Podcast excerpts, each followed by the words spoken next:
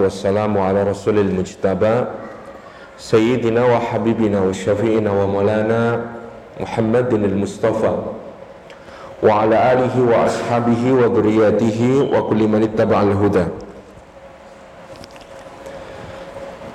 أشهد أن لا إله إلا الله وحده لا شريك له وأشهد أن محمدا عبده ورسوله لا نبي ولا رسول بعده.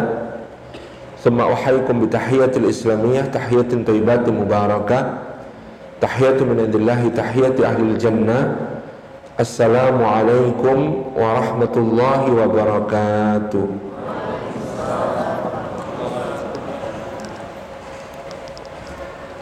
Puji syukur kehadirat Allah Subhanahu wa taala atas limpahan karunia-Nya pada siang yang sejuk ini. Allah menghimpun kita di dalam rumahnya yang mulia di masjid yang kita cintai ini yang dalam kondisi darurat bisa langsung berubah menjadi pesawat terbang sepertinya.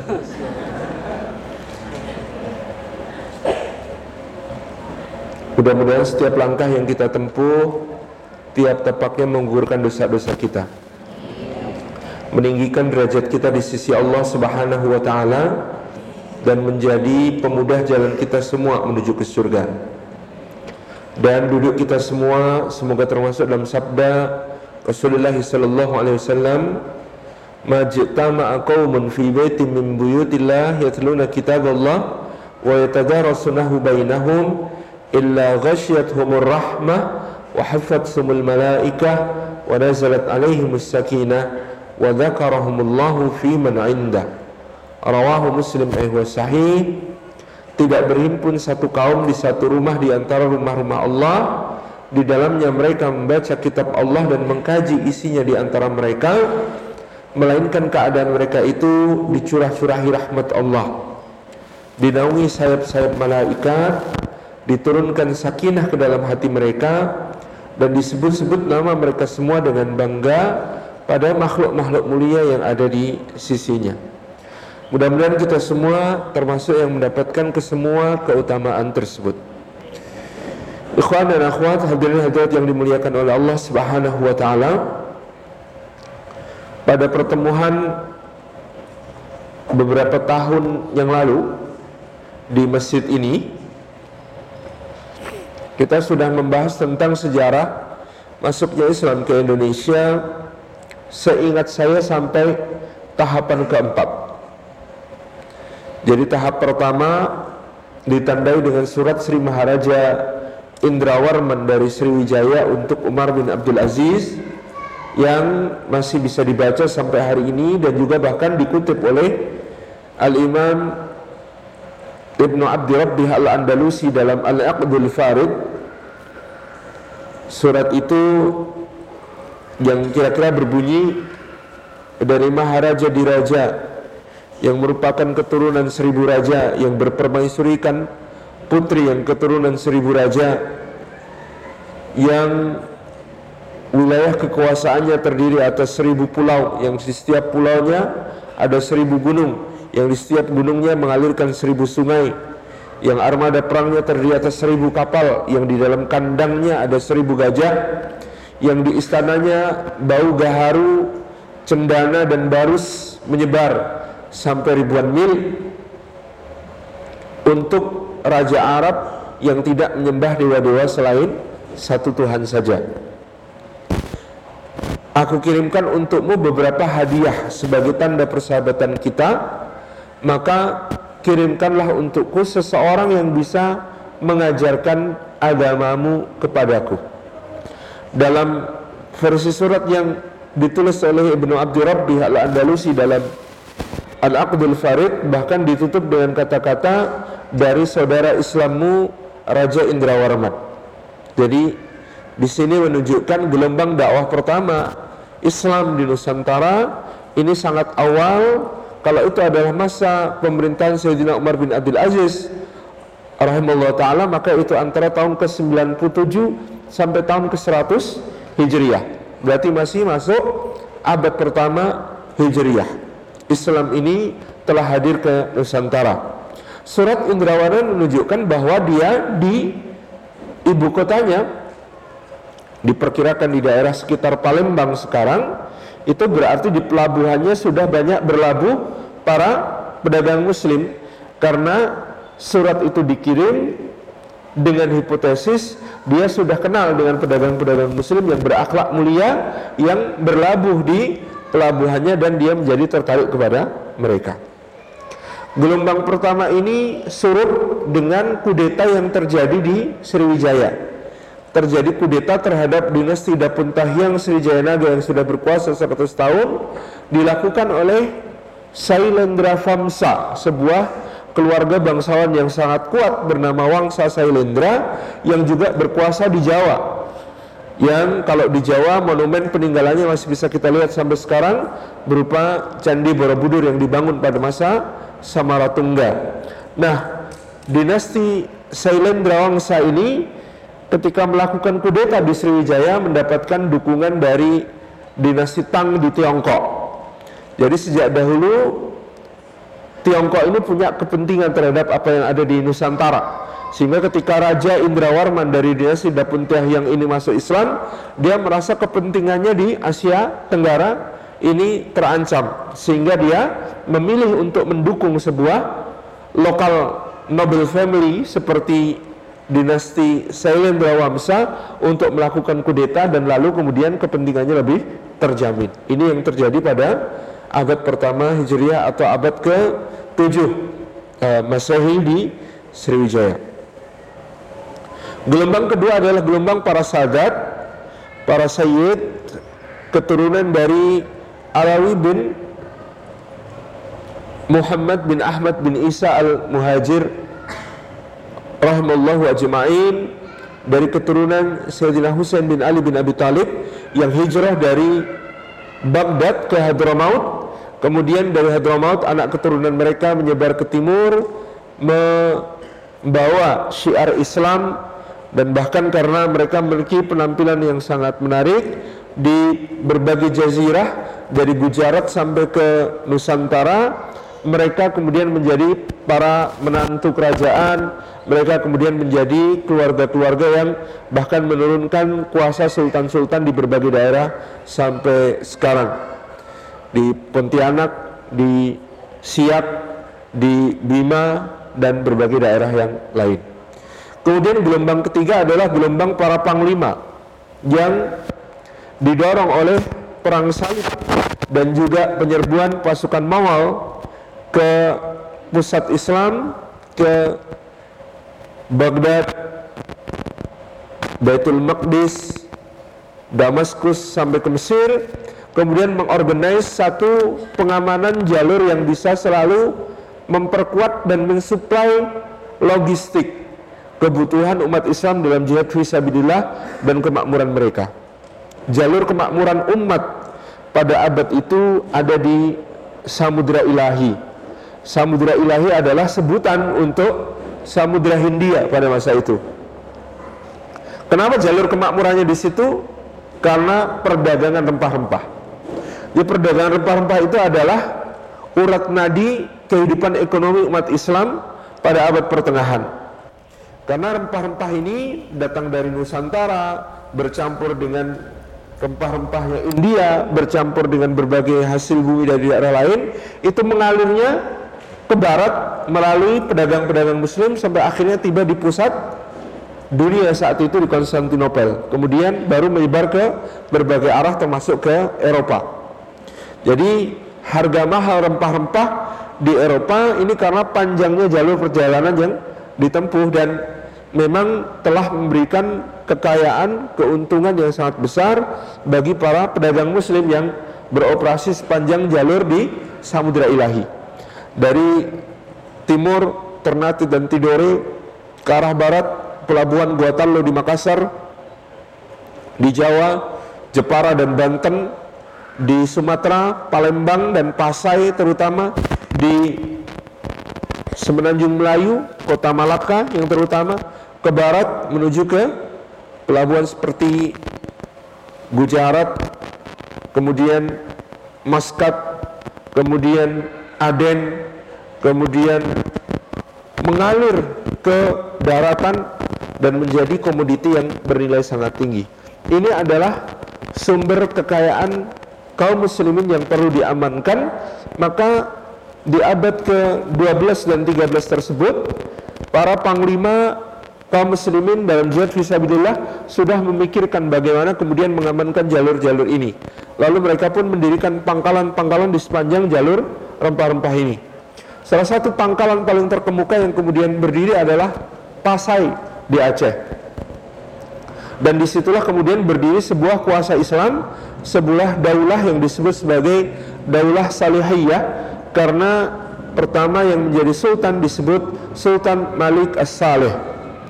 Pangkal teori salahnya Senuk Hurbuns tentang masuknya Islam ke Nusantara dengan mendasarkan pada teori Gujarat dengan dianggap Islam masuk ke Indonesia abad ke-13 ditandai berdirinya Kesultanan Samudra Pasai dengan ciri-ciri peradaban yaitu batu nisan-batu nisannya mirip dengan yang ada di Gujarat itu dari sini. Tentu ini teori yang sangat lemah karena satu ada perbedaan mazhab yang sangat jelas antara kaum muslimin di Gujarat dan kaum muslimin di Pasai.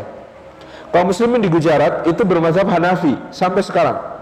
Sementara kaum muslimin di Asia Tenggara dimulai dari Pasai ini adalah kaum muslimin bermazhab Syafi'i.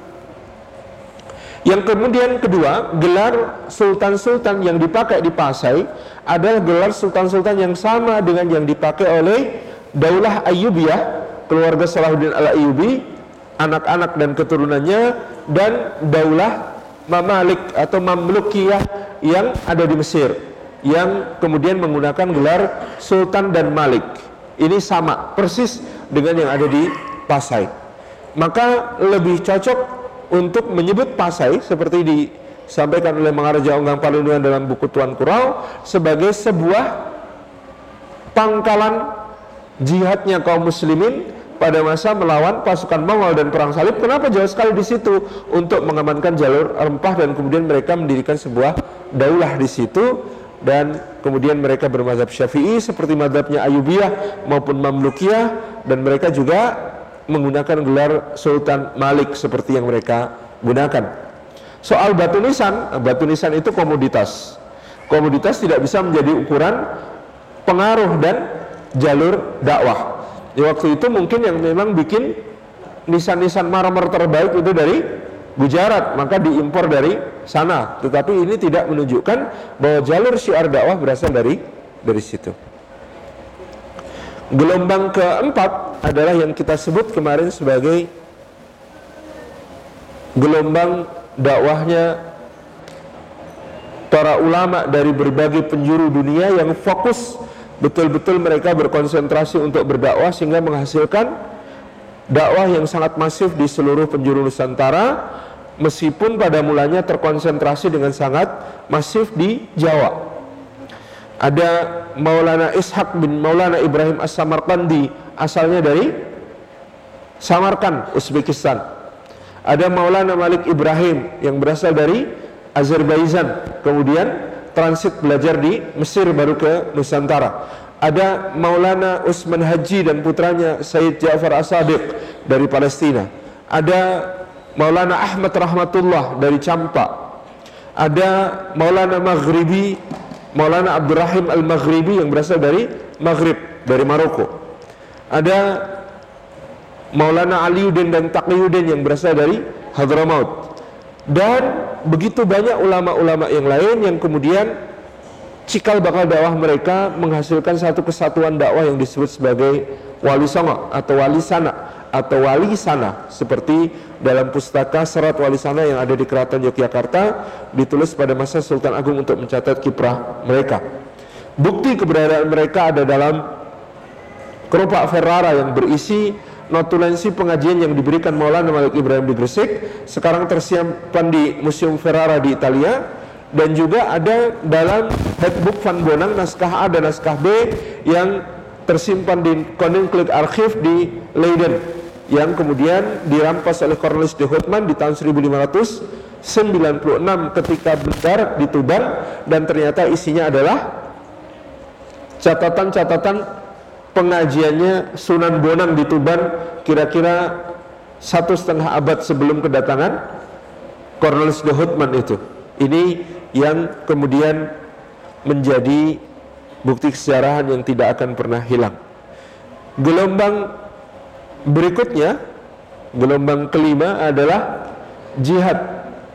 Raja-raja Nusantara yang luar biasa menghadapi kuasa-kuasa asing yang datang dengan kerakusan dan ketamakannya juga dengan misi mereka untuk mendapatkan gold, kekayaan, glory, kejayaan dan gospel penyebaran agama. Di buku Sang Pangeran dan Janisari terakhir saya mengulas bahwa secara tidak sengaja dan bukan niat beliau dan beliau tidak bisa disalahkan atas hal itu Muhammad Al-Fatih punya andil dalam datang dan terjajahnya Nusantara oleh kuasa-kuasa dari Eropa. Bagaimana ceritanya? Pada tahun 1453 pada saat beliau menaklukkan Konstantinopel, maka Muhammad Al-Fatih berhadapan dengan musuh yang sangat kuat bukan hanya dari kekaisaran Bizantin atau Romawi Timur yang berkuasa di Konstantinopel, justru musuh terberat beliau adalah angkatan laut yang terdiri dari pedagang-pedagang Genoa dan Venesia. Pedagang-pedagang benua dan Venesia berasal dari negara-negara kota di pantai Italia yang mereka ini kaya dari perdagangan rempah-rempah yang mereka ambil dari Konstantinopel kemudian mereka distribusikan ke Eropa. Karena Muhammad Al-Fatih mengetahui hal ini, begitu dia berhasil menaklukkan Konstantinopel, maka dia menutup pasar rempah-rempah Istanbul ini, pasar rempah-rempah di Konstantinopel ini untuk seluruh pedagang Eropa, terutama Genoa dan Venesia, sehingga dengan ini mematikan kota dagang Genoa dan Venesia sebagai pembalasan atas apa yang mereka lakukan menghalang-halangi Muhammad Al-Fatih dalam penaklukan Konstantinopel. Akibatnya apa? Di Eropa terjadi krisis rempah-rempah. Pada masa pemerintahan Bayezid, putra Muhammad Al-Fatih, Bayezid II, di Eropa dilaporkan pada tahun sekitar 1480 harga 1 gram lada itu dibayar dengan 2 gram emas. 1 gram lada itu dibayar dengan 2 gram emas karena saking langka dan mahalnya rempah-rempah di Eropa pada saat itu. Kelangkaan rempah-rempah di Eropa padahal dia adalah barang yang sangat dibutuhkan untuk memberi kehangatan badan mereka di musim dingin dan juga untuk memberi rasa pada masakan mereka yang sampai sekarang juga tidak terlalu punya rasa gitu ya. Antum kalau makan masakan Eropa asli itu dari ujung utara di Skandinavia sampai ujung selatan. Ujung selatan agak selamat karena Italia, Yunani itu interaksinya dengan peradaban Laut Tengah yang lebih kaya. Tapi kalau yang dari Eropa Tengah sampai ke Eropa Utara, itu rasanya sama, plain. Maka kemewahan itu adalah salt and pepper. Bumbu utama yang menjadi kemewahan di daerah itu adalah salt and pepper garam dan lada. Itu sudah cukup. Bagaimana ikan-ikan yang sudah diawetkan busuk gitu ya daging-daging yang dikeringkan alat dan itu hanya bisa selamat bisa dimakan kalau dengan bumbu-bumbu tadi. Ini yang yang terjadi pada saat itu. Nah inilah yang mendorong dipelopori oleh Portugis dan Spanyol. Ketika itu bangsa Eropa berusaha mencari jalan rempah sendiri. Karena kalau mengandalkan yang dari Istanbul ini sudah nggak dapat. Karena sudah ditutup oleh Muhammad Al-Fatih dan Bayazid putranya. Apalagi dengan reconquesta Andalusia ditaklukkan kembali oleh kuasa Kristen Eropa di bawah Ferdinand dan Isabella dari Aragon dan Castilia maka yang terjadi adalah pengungsi muslim dan Yahudi ini masuk ke Turki Utsmani dan ketika itu Sultan Salim I cucunya Muhammad Al-Fatih bersumpah kalau mereka membunuhi muslimin di wilayah kekuasaannya di Andalusia saya juga akan membunuh orang-orang Kristen di wilayah saya. Nah kemudian ketika itu beliau dicegah oleh muftinya Syekhul Islam yang kemudian mengatakan wahai baginda sultan ini bukanlah hal yang harus dibalas seperti itu caranya karena kita adalah kaum muslimin yang membawa misi rahmat bagi semesta alam. Jadi Ini yang membatalkan niat Salim satu untuk membunuh semua orang Kristen di wilayah kekuasaannya. Semua sudah diniati begitu karena melihat kaum muslimin di Andalusia dibantai oleh Ferdinand dan Isabella. Singkat cerita, Portugis dan Spanyol merintis jalan, mencari jalan ke negeri asal rempah-rempah. Dan kita tahu sejak Vasco da Gama sampai ke Tanjung Harapan, sejak Alfonso del Albuquerque sampai ke Malaka, gitu ya, sejak Columbus salah jalan ke barat gitu ya dan kemudian Ferdinand de Magellan bisa merintis jalan melalui uh, pantai selatan ujung benua Amerika melalui Pasifik sampai di Filipina sekarang maka yang terjadi adalah orang-orang Eropa ini berlomba-lomba dengan kapal-kapal besar mereka datang ke negeri kepulauan rempah-rempah ini semula untuk berdagang lalu minta monopoli sampai akhirnya melakukan penguasaan-penguasaan. Jadi istilahnya secara tidak langsung gara-gara Muhammad Al-Fatih gitu ya kemudian terjadilah penjajahan di Nusantara. Meskipun itu bukan salah beliau tapi secara analisis uh, kronologis historis itu memang terjadi yang demikian. Nah karena kan yang disayang oleh Allah Subhanahu wa taala maka bangkitlah kemudian raja-raja Nusantara ini melakukan perlawanan jihad fisabilillah terhadap kaum Eropa yang datang ke Nusantara maka inilah yang dirumuskan oleh para ulama di mukadimah undang-undang dasar kita, konstitusi kita atas berkat rahmat Allah yang maha kuasa. Kenapa kalimat ini dipakai? Kita bisa membandingkan keadaan Nusantara ini kalau dibandingkan dengan negeri-negeri yang juga dijajah. Negeri-negeri yang dijajah dan tidak memiliki elan jihad fisabilillah seperti Nusantara itu penduduknya binasa. Teman-teman yang disayang Allah, benua Amerika itu sebelum kedatangan Columbus Hernando Cortés, Francisco Pizarro ataupun Amerigo Vespucci, menurut estimasi para sejarawan, jumlah penduduk natif Amerikan itu yang salah sebut jadi Indian itu itu sekarang diestimasikan antara 50 sampai 110 juta orang. Sebelum kedatangan Columbus dan sekutu-sekutu dan rival-rivalnya itu penduduk benua Amerika itu natif Amerikan itu 50 sampai 110 juta orang. Di mana mereka sekarang? Di Amerika Utara habis tanpa sisa, di Amerika Selatan Selatan tersisa karena mereka berhasil beradaptasi lalu melakukan asimilasi, percampuran. Orang Latin nikah dengan mereka menghasilkan mestizos yang ini adalah apa namanya keturunan campuran dengan natif Amerikan. Selamatnya di situ. Tapi coba perhatikan Amerika Utara, habis sama sekali. Inilah yang disebut sebagai dijajah, habis betul-betul habis. Kalau kita melonok ke dekat kita ada tetangga kita negara yang terdiri dari satu benua namanya Australia.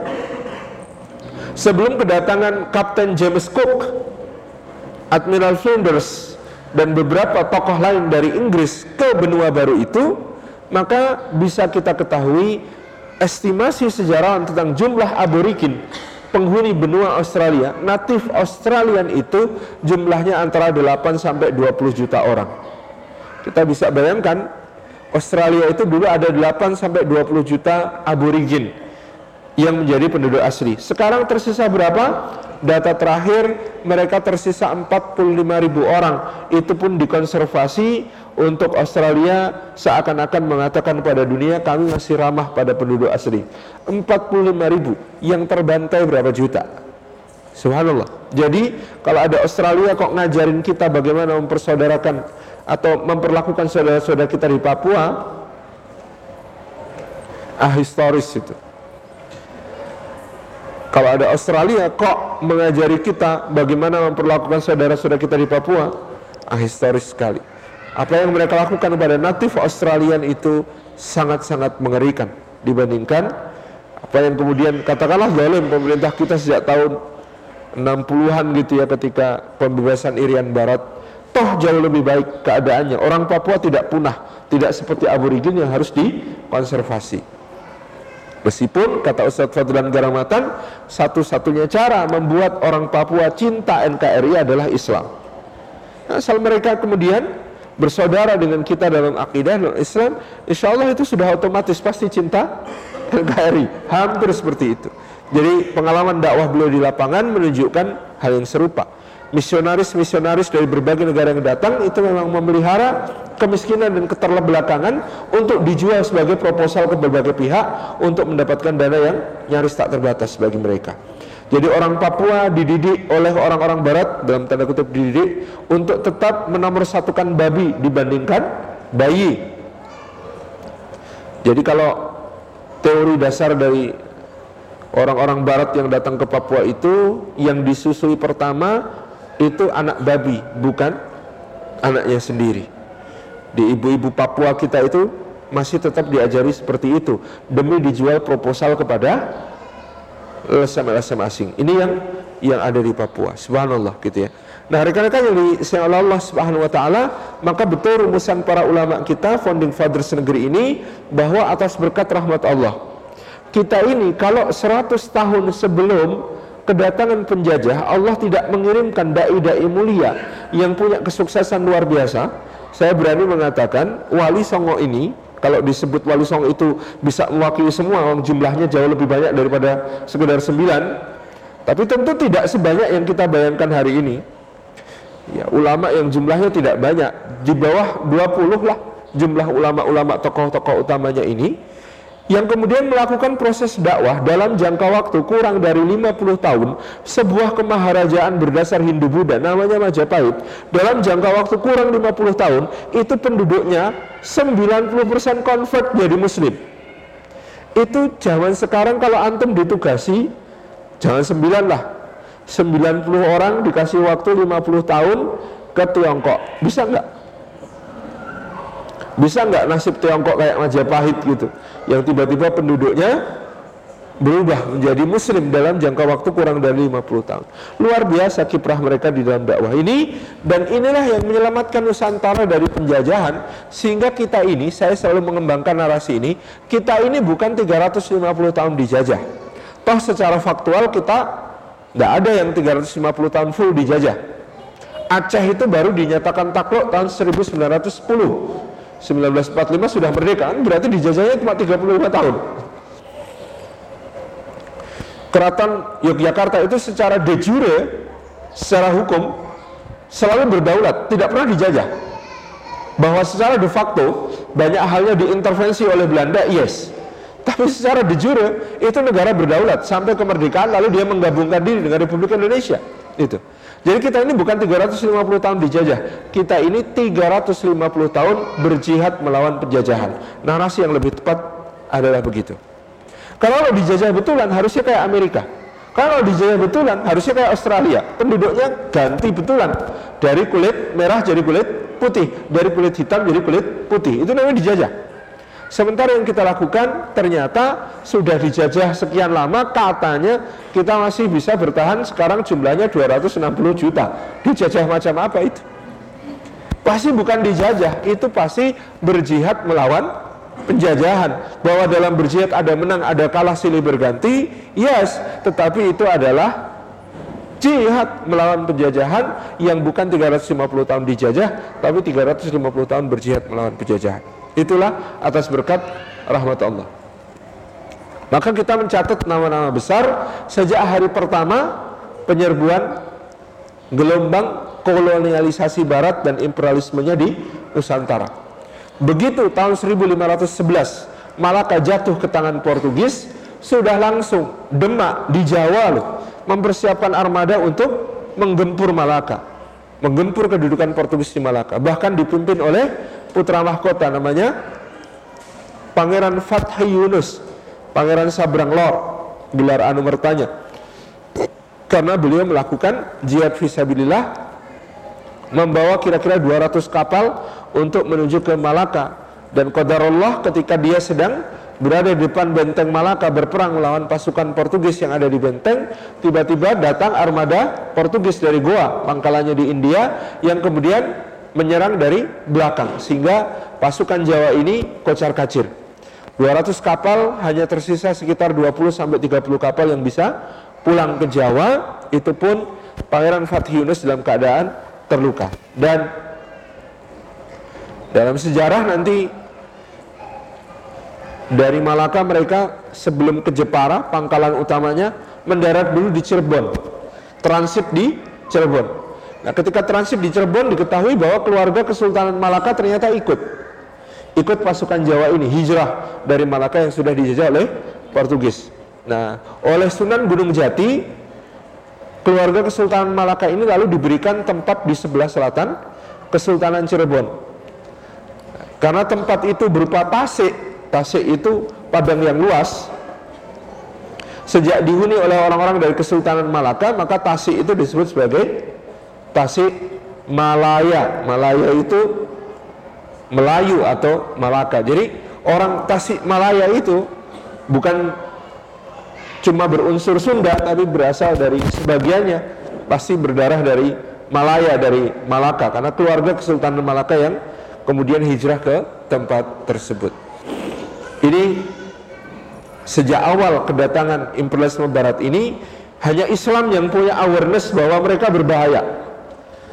Buktinya kerajaan Pajajaran justru kerjasama mau bikin pangkalan di Sunda Kelapa itu kerjasama dengan Portugis jadi tidak punya awareness terhadap bahayanya pasukan Portugis ini.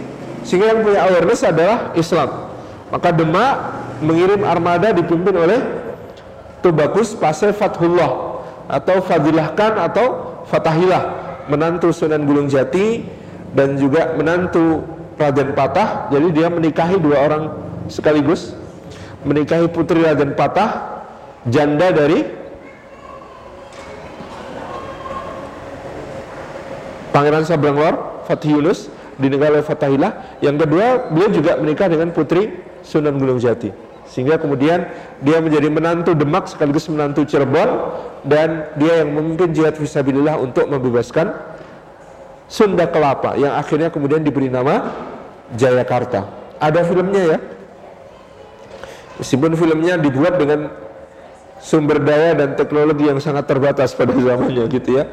Sehingga ya kita bisa melihat uh, gambaran tapi sebenarnya yang terjadi pada tahun 1527 itu jauh lebih dahsyat lagi bagaimana kemudian armada Demak berhadapan dengan kapal-kapal besarnya Portugis untuk memperebutkan daerah Sunda Kelapa yang akhirnya menjadi Jayakarta yang kita kenal sebagai Jakarta sekarang jadi ada awareness kesadaran yang jelas bahwa Barat ini berbahaya.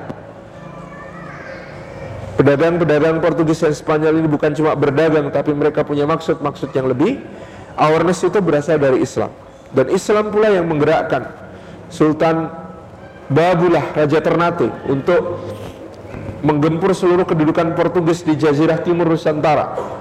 Sehingga Portugis tidak punya tempat lagi yang semula punya banyak benteng di Maluku, itu akhirnya terusir ke selatan hanya di ujung timur pulau Timor yang bertahan sampai Timor Leste merdeka. Kemudian kemudian juga kita melihat bagaimana Sultan Agung hanya Krokusuma Raja Mataram sampai dua kali mengirimkan ekspedisi ke Batavia untuk menggempur kedudukan VOC yang VOC ternyata terlalu kuat. Jadi ada sebagian orang mengecilkan perjuangan leluhur kita di Nusantara dengan mengatakan kita ini dijajah tapi cuma dijajah perusahaan. Perusahaannya namanya VOC Loh, harus baca dulu datanya VOC ini seperti apa pada tahun 1637 kekayaan VOC sebagai sebuah perusahaan itu kalau 20 perusahaan terbesar di dunia pada zaman sekarang ini digabung, maka tidak bisa mengalahkan kekayaan VOC pada tahun 1637. Jadi kalau Google, Apple, Amazon, kemudian PetroChina, Saudi Aramco, gitu ya, dan pokoknya 20 perusahaan terbesar di dunia sekarang digabung kekayaannya, ini belum bisa mengalahkan kekayaan VOC pada tahun 1637. Pada tahun 1637 itu VOC mempekerjakan karyawannya itu dari kalau di konversi sekarang 42 negara. Dia perusahaan multinasional yang paling mengerikan pada zaman itu. Dan VOC ini beroperasi kapal-kapalnya dari pantai timur Amerika sampai ke Jepang. Semuanya itu wilayah kerjanya VOC pada zaman itu. Jadi Jangan kira bahwa kita berhadapan dengan perusahaan acak-acak. Pada tahun 1600-an itu kita berhadapan dengan VOC, sebuah perusahaan terbesar di dunia. Bahkan sampai hari ini tidak pernah ada perusahaan yang sebesar VOC lagi. The Heron 17 komisarisnya VOC itu terdiri dari 17 bangsawan yang 12 di antara mereka ternyata adalah orang Yahudi. Jadi kita ini sudah berhadapan dengan Zionisme gitu ya dalam tanda kutip sejak abad ke-17 dengan kekuatan VOC yang luar biasa. Ini tidak membenarkan kekalahan-kekalahan kita, tapi kita bisa memaklumi kok raja-raja Nusantara berhadapan dengan VOC ini banyak kalahnya. Selain karena tentu saja banyak pengkhianat alias londoiren yang bekerja sama dengan penjajah, tapi kita menemukan satu kondisi betapa luar biasanya sumber dayanya VOC pada tahun-tahun tersebut. Ini berkelanjutan terus sampai kemudian di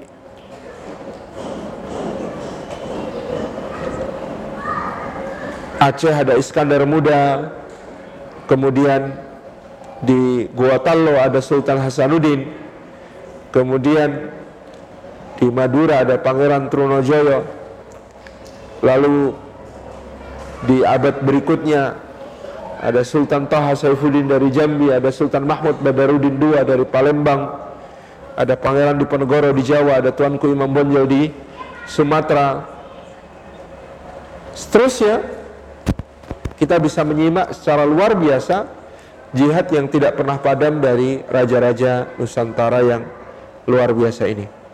Nah, Bapak Ibu yang dirahmati Allah, di bagian keenam dari sejarah Islam di Nusantara ini yang ingin saya sampaikan pada hari ini adalah tentang jejaring para ulama dan ini bisa menjadi pelajaran yang penting untuk kita ke depan membangun umat dari kepemimpinan para ulama. Pada tahun 1700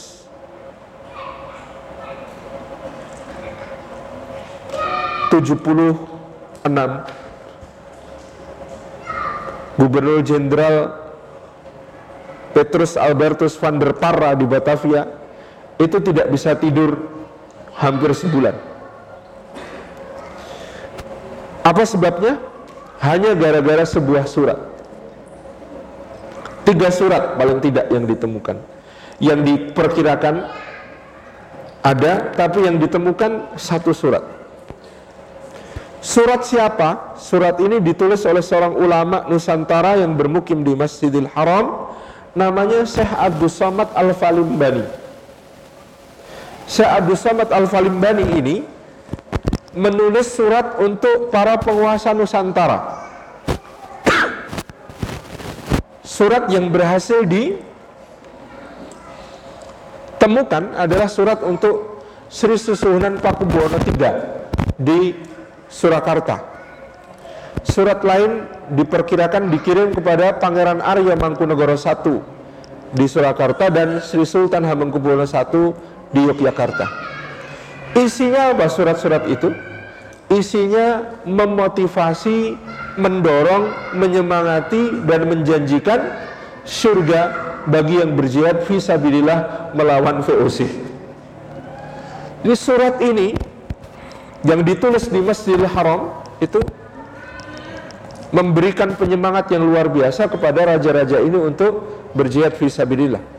Dan raja-raja ini memang dahulunya mujahid. Arya Mangkunegoro bersama Hamengkubuwono I pada masanya adalah mujahid yang berjuang 9 tahun melawan VOC sampai VOC nyaris bangkrut. Gubernur jenderalnya Van Imhoff mati terkepung di benteng Ungaran. Kemudian perwira-perwiranya juga banyak yang tewas di medan tempur. Sampai akhirnya VOC menemukan cara untuk berdamai dengan uh, menggunakan seorang Turki Usnami uh, seorang dari Turki Utsmani bernama Syarif Besar Syekh Ibrahim untuk membujuk Pangeran Mangkubumi yang kelak menjadi Sultan Hamengkubuwono I ini untuk berunding. Lalu berunding hasilnya negara Mataram dibagi dua. Uh, Mangkubumi mendapatkan separuh negara Mataram yang kemudian disebut sebagai Keraton Yogyakarta. Ini sejarah berdirinya keraton Yogyakarta karena jihad 9 tahun plus perundingan yang diinisiasi oleh Syarif Besar Syekh Ibrahim dari Turki Utsmani. Ini yang kemudian lebih membuat Gubernur Jenderal Petrus Albertus van der Pala nggak bisa tidur. Lah dulu ketika mereka perang 9 tahun, VOC-nya nyaris bangkrut. Ini kalau sampai surat ini dibaca dan didengar kemudian dilaksanakan oleh para raja ini, mau jadi apa VOC itu? Dalam keadaan seperti itu. Jadi sejak dahulu jejaring para ulama ini merupakan ancaman yang mengerikan bagi Belanda, bagi kuasa VOC dan nanti dilanjutkan pemerintah kolonial Belanda di Nusantara. Di surat-surat ini sangat diawasi yang untuk Pakubono III berhasil dicegat diterjemahkan oleh Carik Kertoboso, terjemahannya dikirim ke Batavia dan gara-gara baca terjemahan suratnya Syekh Abdul Somad Al Falimbani ini, Gubernur Jenderal Petrus Albertus van der Para ini tidak bisa tidur selama hampir sebulan, gitu. Luar biasa dampaknya. Nah, surat ini dibawa oleh dua orang haji yang pulang dari Makkah. Sejak saat itu VOC semakin menyadari betapa berbahayanya haji-haji Nusantara ini. Karena mereka satu punya wawasan internasional. Kalau sudah berhaji ke Mekah maka mereka akan bertemu dengan kaum muslimin dari seluruh dunia dan akan kemudian saling berbagi kabar tentang keadaan negeri-negeri mereka. Lalu menyadari bahwa negerinya berada dalam ancaman penjajahan. Lalu pasti akan melakukan proses perlawanan nantinya ketika pulang ke Nusantara. Yang kedua, kalau berani berhaji berarti kuat secara sosial dan ekonomi. Nggak mungkin orang berhaji itu miskin dan lemah karena untuk perjalanannya saja itu berangkatnya setahun, di sananya setahun paling tidak, lalu pulang setahun. Itu kalau tidak sekaya-kayanya kaya dan tidak sekuat-kuatnya, kuat nggak mungkin itu. Udah habis di jalan itu. Nah, itu yang kemudian terlihat gitu ya dari haji-haji Nusantara pada zaman itu. Eh, berangkatnya bukan setahun sih, pelayarannya itu dari uh, diceritakan zaman itu dari Semarang sampai ke Aden itu kira-kira 5-6 bulan. Berlayar dari Semarang sampai ke Aden itu kira-kira 5 sampai 6 bulan. Itu bisa bayangkan gitu ya. Yang uh, ditempuh oleh para haji ini. Maka dari dulu haji itu dianggap manusia berbahaya bagi pemerintah penjajahan jelas ini sudah berwawasan internasional kuat sosial ekonomi dan pula mereka menjadi agen-agen perubahan karena bertemu dengan para ulama kita di Masjidil Haram. Pulang ke Nusantara pasti bawa sesuatu. Nah, menurut salah satu hipotesis inilah kenapa di Indonesia ini sebutan haji itu sangat lekat. Sebenarnya kan haji hanya salah satu rukun Islam. Kita kan tidak disebut sebagai Assalamualaikum Pak Syahadat Sholat Puasa Zakat Salim Afilah gitu kan. Tapi kalau haji disebut Ini konon memang pada masa itu Oleh pemerintah kolonial Sebutan haji ini harus di, disebut Untuk memudahkan pengawasannya Oh haji, mudah diawasi Meskipun hipotesis ini dibantah beberapa sejarawan Tapi memang secara umum dengan disebut haji Menjadi mudah diawasi satu desa terdiri dari banyak haji, ada banyak haji di situ, peluangnya untuk memberontak jauh lebih besar daripada desa-desa yang tidak ada hajinya. Itu empirik dialami oleh pemerintah penjajahan. Di jejaring ulama ini sesuatu yang kemudian menjadi mimpi buruk bagi pemerintah kolonial. Nah, surat-surat Syekh Abdul Samad Al-Falimbani ini bahkan sekarang masih bisa kita baca dalam kitab yang beliau kumpulkan. Jadi ternyata Syekh Abdul Somad selain suratnya dikirim, beliau bikin salinannya menjadi sebuah kitab. Judul kitabnya Tadkiratul Mu'minin wa Nasihatul Muslimin fi Karamatil Jihadi wal Mujahidin. Nah, itu judul kitabnya. Tadkiratul Mu'minin, pengingat orang-orang beriman, wa nasihatul muslimin dan nasihat orang-orang muslimin fi fadailil jihadi wa karamatil mujahidin. Maaf. Fi fadailil jihadi dalam keutamaan-keutamaan jihad dan kemuliaan para mujahid. Ini kitab yang luar biasa. Ditulis untuk menyemangati para raja Nusantara dalam rangka jihad fi sabilillah. Sa'ad Samad Al-Falimbani punya murid langsung namanya Syekh Dawud Al-Fatani. Sebut Al-Fatani berarti dari Patani dari Thailand Selatan. Dan itu termasuk dulu dunia Melayu. Dunia Melayu di Jazirah Arab disebut sebagai ulamanya disebut sebagai Ashabul Jawiyin. Ashabul Jawiyin itu jejaring ulama yang berasal dari Nusantara. Bedakannya gampang di Masjidil Haram. Ada ulama kok kulitnya kecoklatan dan hidungnya pesek. Itu namanya Ashabul Jawiyin itu ada ulama kok kulitnya ya kayak kulit kita sekarang kemudian dia hidungnya tidak semancung orang Arab maka disebut sebagai ashabul jawiyin itu terdiri dari Patani, Thailand Selatan gitu ya, Semenanjung Malaya, Sumatera, Jawa, Kalimantan, Banjar, kemudian ke timur sampai Sulawesi, Maluku, itu ulama-ulamanya disebut ashabul jawiyin. Semuanya oleh orang Arab disebut zaman itu sebagai ashabul jawiyin jadi ulama-ulama dari Jawi nah maka kemudian sampai sekarang tulisan Arab dipakai untuk menulis uh, bahasa Melayu itu di Malaysia disebut sebagai tulisan Jawi. Tulisan Jawi. Kalau di Jawa malah disebut sebagai tulisan Arab Pegon. Arab Pegon Pegon itu artinya ditambahi. Kenapa disebut Arab Pegon?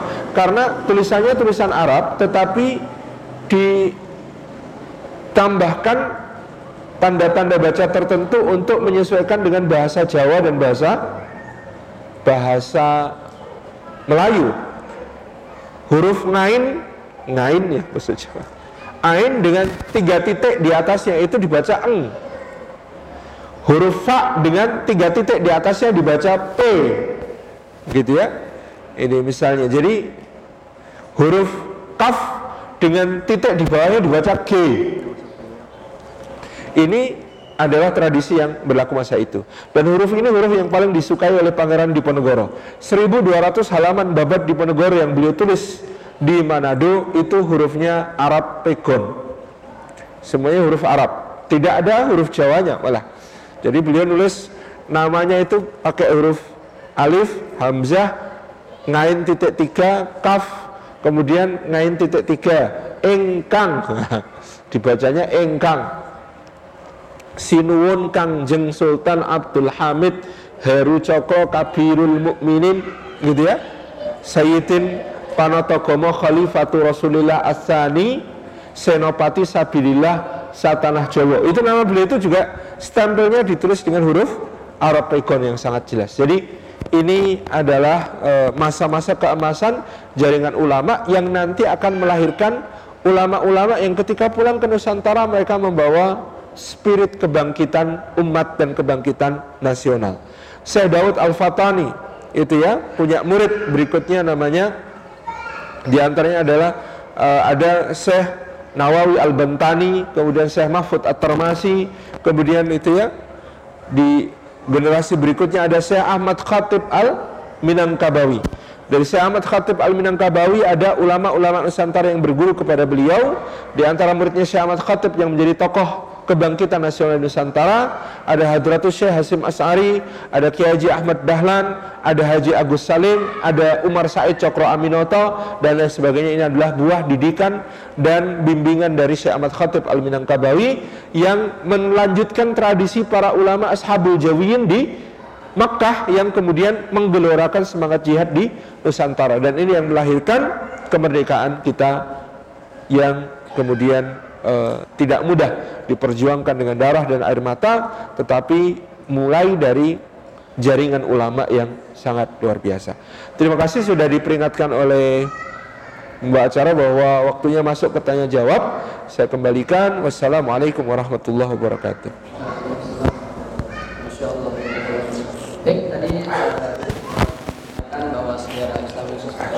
Dan alhamdulillah ada pertanyaan masuk dari jamaah dari Bunda bahwa bertanya Assalamualaikum warahmatullahi wabarakatuh. Assalamualaikum warahmatullahi wabarakatuh. Dulu Indonesia dijajah kepala senjata.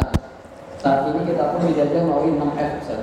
Hmm. Food, fashion, film, research, thinking, dan masuk sekali. Gimana cara menghadapinya Ustaz? Jadi memang bentuk-bentuk penjajahan tradisional itu sudah hampir tidak ada di muka bumi kecuali yang dilakukan oleh negara Zionis kepada tanah Palestina. Itu penjajahan tradisional konvensional yang masih ada satu-satunya di muka bumi. Bentuk penjajahan berubah menjadi penjajahan secara ekonomi, penjajahan secara politik, penjajahan secara sosial budaya. Penjajahan ekonomi tentu dengan eksploitasi kekayaan dan juga menjadikan negara jajahan sebagai sasaran pemasaran produk-produk dari negara negara kuat. Ini yang masih terus kita alami. Kekayaan kita dieksploitasi, bahan mentah kita diambil, diolah jadi barang jadi, dijual kepada kita dengan harga berlipat-lipat. Ini banyak masih banyak terjadi secara ekonomi. Kemudian secara ekonomi bentuk-bentuk penjajahan dengan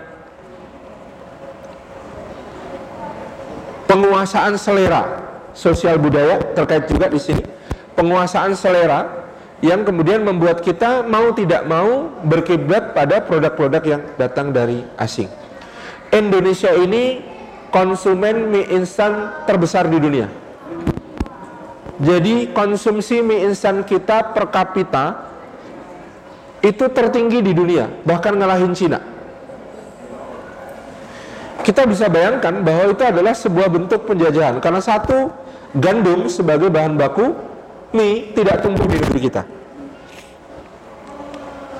Itu kan jelas sekali sebuah sebuah proses penjajahan gitu ya. Makanya kalau makan mie kalau di Jogja kita sarankan makan mie letek made in Bantul gitu ya. atau makan bihun yang berbahan bakar eh, yang berbahan dasar tepung beras. Itu jauh lebih kedaulatan pangan daripada yang berbahan dasar terigu. Jelas kita nggak bisa nanam gandum di Indonesia. Memang iklimnya tidak cocok. Tetapi mie instan yang berbahan dasar gandum menjadi favorit kita. Ini kan secara sosial budaya kita sudah diajari selera yang baru dan kemudian kita ikut gitu. Saya tidak mengharamkan Anda untuk makan mie instan, no problem. Ini ya jangan sampai kita menjadi yang menunya pagi sarimis yang indomie malam mie sedap gitu. Itu kan betul-betul sebuah hal yang kemudian secara kesehatan pun tidak baik dan secara sosial budaya betul-betul terjajah selera gitu ya ya kita harus tetap ya pagi soto gitu ya siang rendang malam kari tapi ya jangan dalam bentuk mie instan semua gitu. pagi mie instan rasa soto siang mie instan rasa rendang malam mie instan rasa kare cabai hijau ini repot juga gitu. jadi ini kita perlu melihatnya sebagai sebuah penjajahan juga. Meskipun kita nggak usah galak-galak cuma kita punya awareness bahwa itu bagian dari penjajahan. Nah sekarang secara politik ada model-model penjajahan secara politik melalui metode-metode yang berbeda. Ada madhab Amerika dalam penjajahan politik pakai stick and carrot gitu ya. Uh, masih metodenya Amerika itu stick and carrot. Kamu kalau kalau apa namanya ngikut sama aku tak kasih carrot tak kasih wortel gitu ya. Emangnya kita kelinci kan itu. Tapi kalau nggak manut sama aku tak kasih stick tak pukul.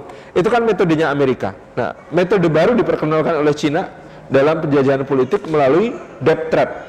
Ya jebakan utang.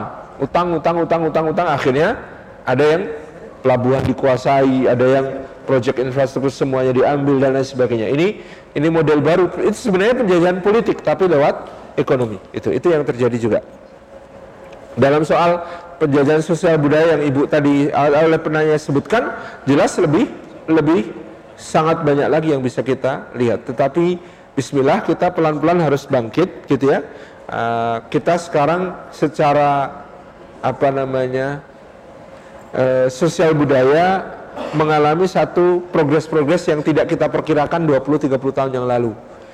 Ya, gambaran tentang Indonesia tahun 2010 2020 itu seharusnya kita sudah makan merek seharusnya kita sudah tergila-gila merek semua branded dari barat selera pakaian kita harusnya sudah berubah itu yang diungkap Pak Nasir dalam apa bocoran tentang strategi apa namanya pemurtatan dan juga strategi apa namanya penjajahan sosial budaya Indonesia pada saat itu. Tapi ternyata alhamdulillah ibu-ibu pakai hijab makin luas. Tinggal sekarang PR-nya hijabnya produk impor apa produk lokal? Brandnya brand lokal, bahannya impor Cina juga gitu ya. Teman-teman ikhwan pakai batik, sayangnya ternyata bukan batik dalam arti teknik maupun filosofi, tetapi hanya pola, motif.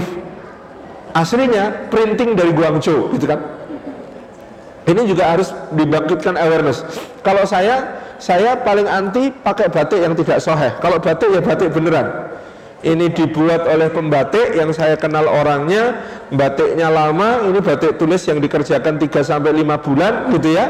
Saya jahitkan ke penjahit yang saya kenal betul gitu ya. Saya pakai gitu ya. Ini industri yang jelas. Ini saya pakai sebagai sebuah kebanggaan. Ini batik betul-betul batik. Kemandirian saya dalam soal berpakaian.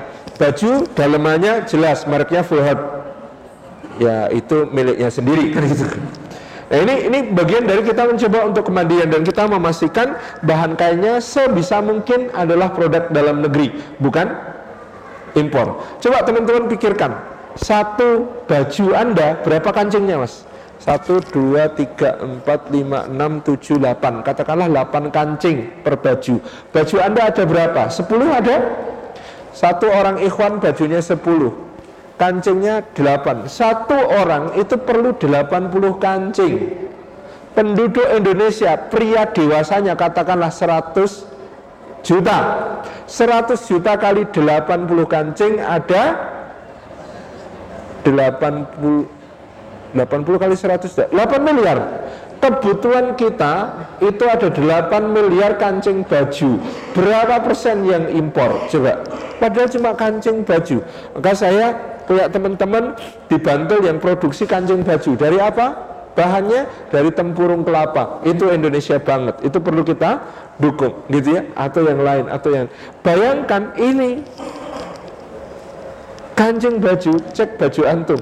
Tulisannya YKK impor kalau tulisannya impor gitu. red slating impor dan lain sebagainya coba bayangkan kita ini kedaulatannya betul-betul terancam tapi coba kalau itu tidak bisa kita breakthrough kita bikin sesuatu yang lebih bisa kita kuasai lalu dengan itu kita bisa kembangkan bersama untuk uh, apa namanya menguatkan menguatkan negeri kita. Ibu-ibu uh, mohon doa nanti tanggal 1 Maret 2020 saya dan teman-teman launching satu apps namanya Dapur Mami untuk apa? Ini kalau restoran-restoran sudah ada yang mewadai, kita pengen memberdayakan ibu-ibu rumah tangga. Ibu-ibu kalau masak kadang-kadang lebih sayang bu daripada masak lebih itu dibuang atau terbuang. Bagaimana kalau di wira usahakan menjadi setiap dapur di Indonesia kelak akan menjadi rumah makan. Jadi bagaimana orang bisa order lewat aplikasi ini di pengantarannya sudah kita atur bersama lalu kemudian kita bisa jadikan seluruh ibu Indonesia sebagai entrepreneur. Karena masakan terlezat adalah masakan ibu. Karena masakan rumah dimasak dengan cinta. Itu yang akan menjadi bisnis kita insya Allah gitu ya. Jadi ini contoh bagaimana kita memberdayakan punya semangat seperti itu untuk kedaulatan kita. Saya punya teman namanya Pak uh, Kusnadi di Sragen beliau sedang memberdayakan menggerakkan kedaulatan pangan dalam soal daging.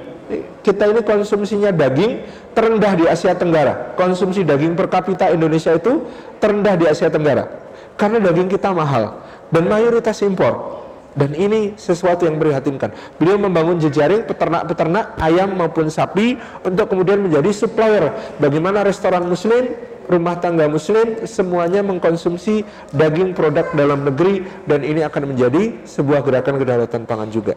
Ini yang perlu kita lakukan hal-hal kecil seperti ini tapi insya Allah bisa berdampak gitu ya. Ini soal kecil ini tadi, pakai baju yakin saya kenal ini yang batik itu namanya Pak Yoyo Susetyo. Saya yakin ini yang jahit namanya Pak uh, Daryono saya tahu namanya gitu ya. Jadi ini betul-betul ada kontribusi pada ekonomi masyarakat. Pastikan kita punya kontribusi pada kedaulatan kita sendiri. Itu Allah alam. Baik Ustaz, ada pertanyaan Ustaz. Iya. Tentang gimana Ustaz eh, pendapat Ustaz Salim sejarah Sunda Empire gimana Ustaz? Ini lagi booming banget di saat ini. Mungkin bisa menjawab kekhawatiran kita nih Ustaz.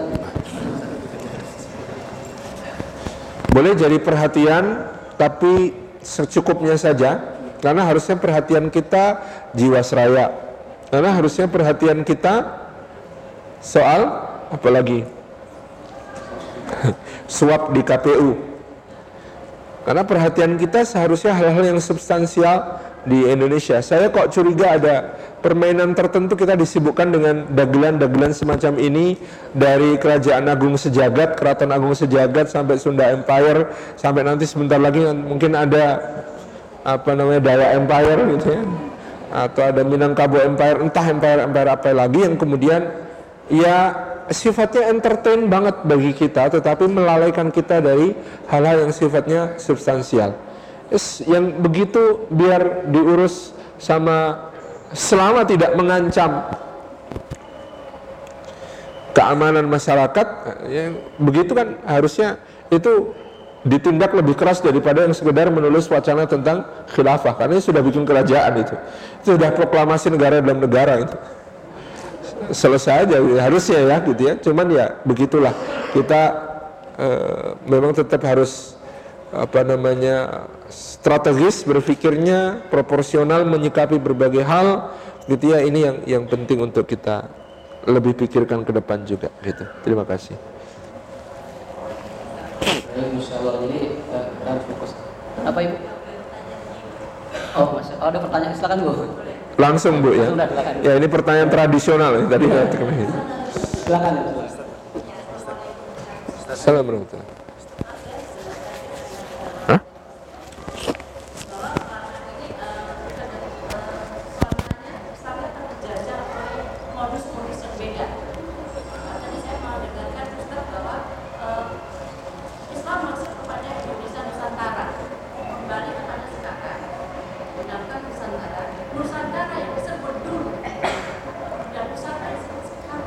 Hmm.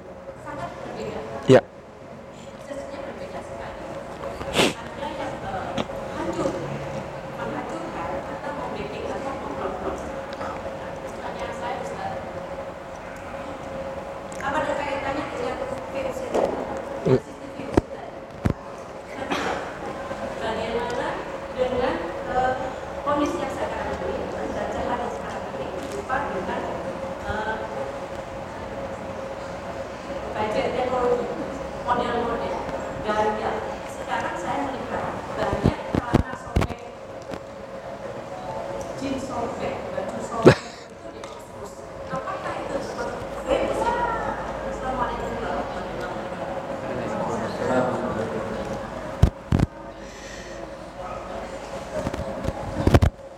Baik, yang pertama Bunda, kenapa kita tetap merasa bersyukur dengan Nusantara kita yang luar biasa yang sekarang di antaranya menjadi negara yang seperti Indonesia, Malaysia, seharusnya Singapura juga dan Brunei Darussalam.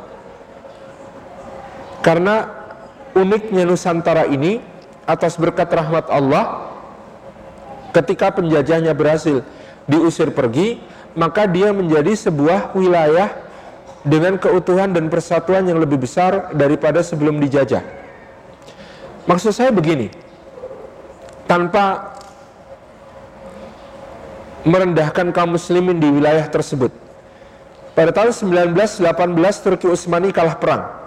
Dulu hampir seluruh Timur Tengah dari Maroko di barat sampai Irak di timur dari Yaman di selatan sampai Turki di utara bahkan ke Azerbaijan, Armenia itu adalah wilayah yang padu, yang satu.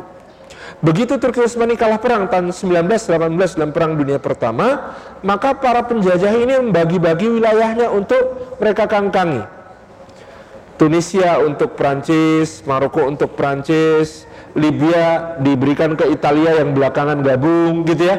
Terus kemudian Mesir diberikan kepada Prancis kemudian diambil alih oleh Inggris, Suriah untuk Prancis, uh, Lebanon untuk Prancis, Palestina untuk Inggris, Jordania untuk Inggris, Irak untuk Inggris gitu ya.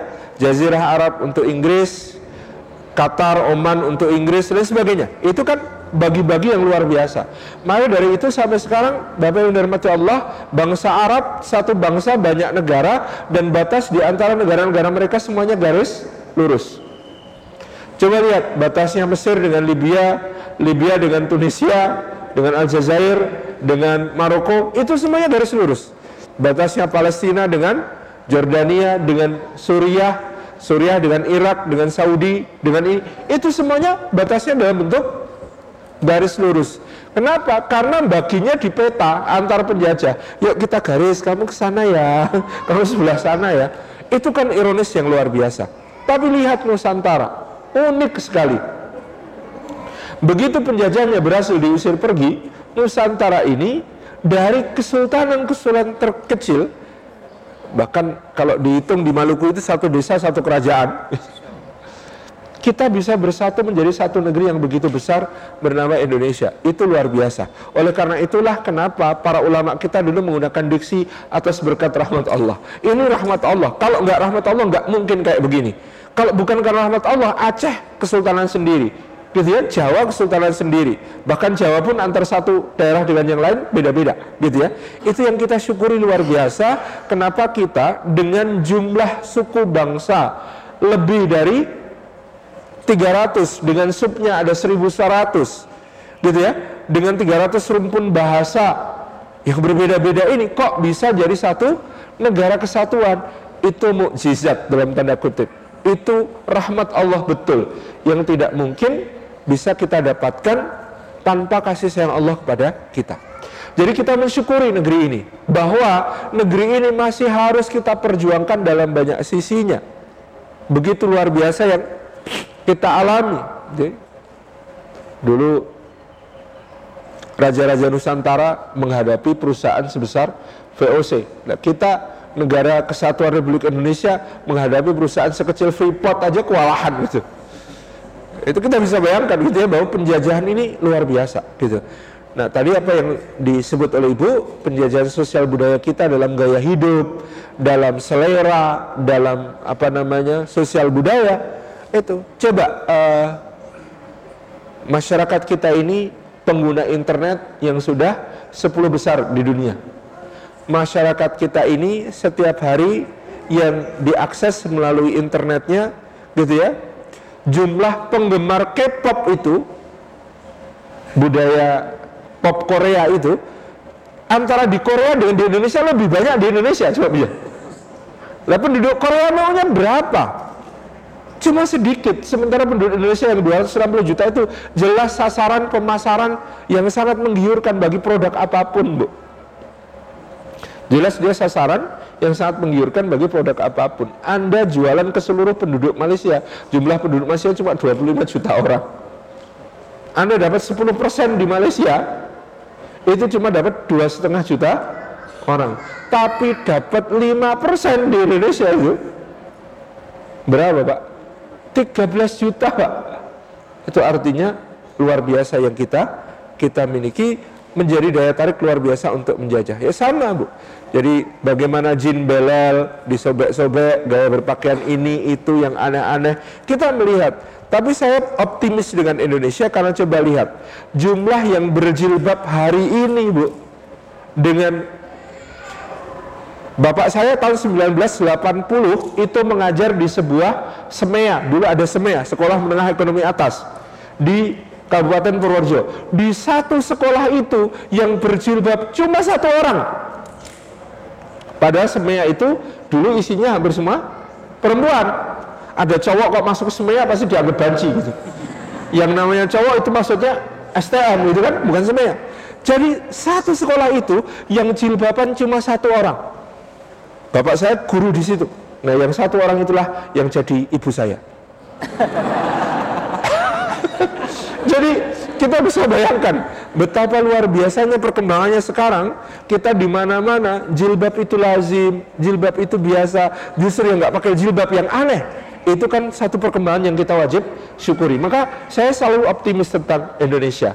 Jadi kalau ada sekarang yang mengatakan jilbab itu tidak wajib, itu pasti berasal dari masa lalu. Itu pasti dia dibesarkan di era sebelum tahun 80-an. Karena memang ketinggalan banget gitu dengan apa yang kemudian dilihat oleh anak muda zaman zaman sekarang. Itu saya kira optimisme kita yang kita tumbuhkan meskipun kita tetap waspada terhadap berbagai gerakan penjajahan yang tadi Ibu sudah sebut, berbagai gaya melalui fashion, melalui apa tadi uh, food, melalui Ya jadi pokoknya sekarang daripada cola, es cendol is the best. Harus mulai dari situ kan sekarang ya. Daripada apa namanya uh, fried chicken itu ya, mendingan uh, mendoan. Nah, gitu. Tapi itu proteinnya nggak selevel gitu ya. Cari yang proteinnya selevel gitu ya. Uh, ya. Daripada steak perlu uh, apa namanya uh, dendeng gepuk. Gitu. Misalnya gitu ya, itu itu itu penting buat kita untuk menyadarkan kembali generasi kita. Jadi kampanye kita bukan fast food tapi slow food gitu ya. Ya, makanan ibu is the best gitu ya. Kembali ke makanan ibu. Terima kasih gitu. Terima kasih, terima kasih. Semoga terjawab ya kita. Satu lagi satu izin sebelum kita berdoa. Uh, mengapa kehancuran Islam di Andalusia menjadi hal yang memorial sekali bagi masyarakat Spanyol sekarang ini? Baik, Spanyol itu sampai sekarang menjadi negara dengan Islamofobia salah satu yang tertinggi di Eropa. Itu luar biasa. Padahal Islam dilenyapkan dari Spanyol sudah lebih dari 500 tahun yang lalu. Tapi bagi mereka, Islam itu masih dianggap sebagai fobia, sebagai ancaman, sebagai suatu hal yang menakutkan. Why? Ini perlu menjadi pelajaran bagi kita karena seorang sejarawan namanya Ahmad Thompson itu menganalisis bagaimana Islam berada di Spanyol dari tahun 700 sampai tahun 1492 itu nyaris 800 tahun. Islam berada di Spanyol. Tetapi kenapa di Spanyol gitu ya? Begitu Islam diusir bersih sampai sekarang menjadi negara dengan Islamofobia yang sangat tinggi. Karena selama 800 tahun Islam berada di Spanyol meskipun ada proses toleransi yang sangat kuat, ada proses apa namanya pembangunan peradaban yang luar biasa maju, tetapi ada satu yang tidak berjalan, namanya dakwah. Penduduk muslim Spanyol dari tahun 700 sampai 1492 itu tetap etnisnya Arab. Sangat sedikit yang berasal dari etnis Hispanik asli Spanyol Why? Karena proses dakwah tidak berjalan. Sama kasus nanti dengan India. Di India, kerajaan yang disebut sebagai Mughal itu berkuasa selama hampir 400 tahun menguasai 3 per 4 anak benua India. Tapi sekarang muslim di negara yang bernama India tersisa kurang dari 10%. Why? Lagi-lagi karena proses dakwah kurang berjalan.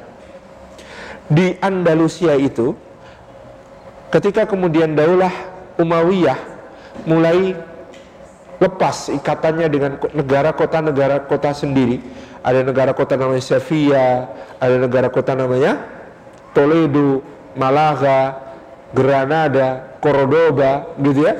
Itu kan masing-masing berdiri sendiri, punya sultan sendiri. Sudah tidak bersatu, dakwah tidak berjalan.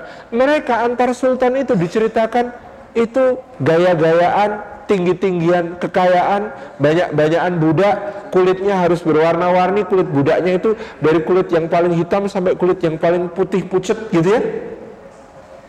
Proses dakwah tidak berjalan. Sama dengan di India yang kalau kita lihat sekarang ada namanya Taj Mahal. Bagus ya Bu ya Taj Mahal itu. Itu satu monumen cinta kepada seorang istri tapi mengalahkan cinta kepada rakyat untuk membangun Taj Mahal, Syah Jahan itu mengerahkan pajak selama tiga tahun yang menyengsarakan rakyat. Taj Mahal yang kita lihat sekarang itu emasnya sudah dicongkelin sama Inggris. Dulu itu batu marmer dan batu mulia di apa namanya dibingkai pakai plat-plat emas yang berkilo-kilogram beratnya. Hanya untuk makam seorang istri. Bayangkan bikin makam untuk seorang istri membangkrutkan negara tiga tahun dan kemudian 30 ribu budak yang membangun Taj Mahal ini orang Hindu habis pembangunan semuanya dibunuh. Sehingga apa? Islam ketika seperti itu ditegakkan dakwah tidak berjalan. Bagi rakyat India Islam itu sebuah trauma. Sama dengan yang terjadi di Spanyol tadi yang kita ceritakan. Sehingga inilah yang membuat sampai sekarang mereka masih mempersepsikan Islam sebagai hal yang sedemikian karena proses dakwah yang tidak tidak berjalan. Itu yang sangat berbeda dengan yang terjadi di Nusantara. Bagaimana para dai datang ke Nusantara ini memberi solusi kepada berbagai permasalahan. Maulana Malik Ibrahim itu datang pertama kali yang dibangun bukan pesantren. Apa bu? Bendungan sama sawah. Kenapa? Karena Majapahit sedang krisis pangan setelah perang yang disebut sebagai perang Paragrep, perang saudara di Majapahit. Sawah-sawah terbengkalai, ladang-ladang terbengkalai, rakyat kelaparan. Yang dibangun Maulana Malik Ibrahim pertama irigasi untuk membuat sawah-sawah ini produktif lagi. Luar biasa. Semua datang dai-dai berikutnya menjawab persoalan masyarakat. Sehingga Islam ini terima dengan begitu luar biasa di Nusantara. Ini yang jadi pelajaran penting bagi kita, betapapun proses dakwah itu harus terus berjalan. Itu. Baik, Masya semoga terjawab. Ibu Bunda, karena waktu, waktu. habis ya. Nanti insya Allah kita akan sambung kembali saat ramin. Semoga Ustaz bisa menyediakan saat ramin kembali bersama kita. Insya Allah. Uh, insya Allah sebelum acara kita tutup kita minta Ustaz untuk bisa berdoa bersama-sama. Kepada Ustaz.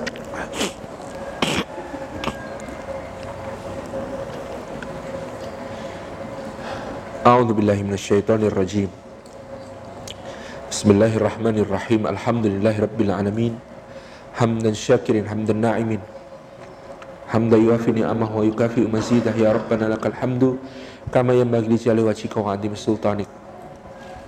Allahumma salli ala sayyidina Muhammad wa ala ali sayyidina Muhammad kama salli ala Ibrahim wa ala Ibrahim fil alamina innaka hamidun Majid. Allahumma ighfir mu'minin wal mu'minat wal muslimin wal muslimat al ahya'i minhum wal amwat innaka sami'un qaribu mujibu da'wat ya qadiyal hajat. Rabbana ighfir lana wal ikhwanina alladhina sabakuna bil iman wa la taj'al fi ghilla lilladzina amanu rabbana innaka raufur rahim. Rabbana ighfir lana wa liwalidina warhamhum kama rabbana shighara Allahumma inna ala dzikrika wa syukrika husni ibadatik. Allahumma aslih lana dinana alladhi huwa ismatu amrina wa aslih lana dunyana allati fiha ma'ashuna wa aslih lana akhiratana allati ilaiha ma'aduna Allahumma inna ala dzikrika wa syukrika husni ibadatik. اللهم إنا نسألك رضاك والجنة ونعوذ بك من سخطك والنار اللهم إنا نسألك الهدى والتقى والعفاف والغنى اللهم إنا نسألك سلامة في الدين وعافية في الجسد وبركة في الرزق وزيادة في العلم وتوبة قبل الموت ورحمة عند الموت ومغفرة بعد الموت اللهم هون علينا في سكرات الموت ونجاة من النار والعفاء عند الحساب ربنا هب لنا من أزواجنا وذريتنا قرة أعين واجعلنا للمتقين إماما Rabbana atina fid dunya hasanah wa fil akhirati hasanah wa qina adzabannar wa adkhilna jannata ma'al abrar ya aziz ya ghaffar ya rabbal alamin. Subhana rabbina rabbil izzati amma yasifun salamun alal mursalin. Walhamdulillahi rabbil alamin.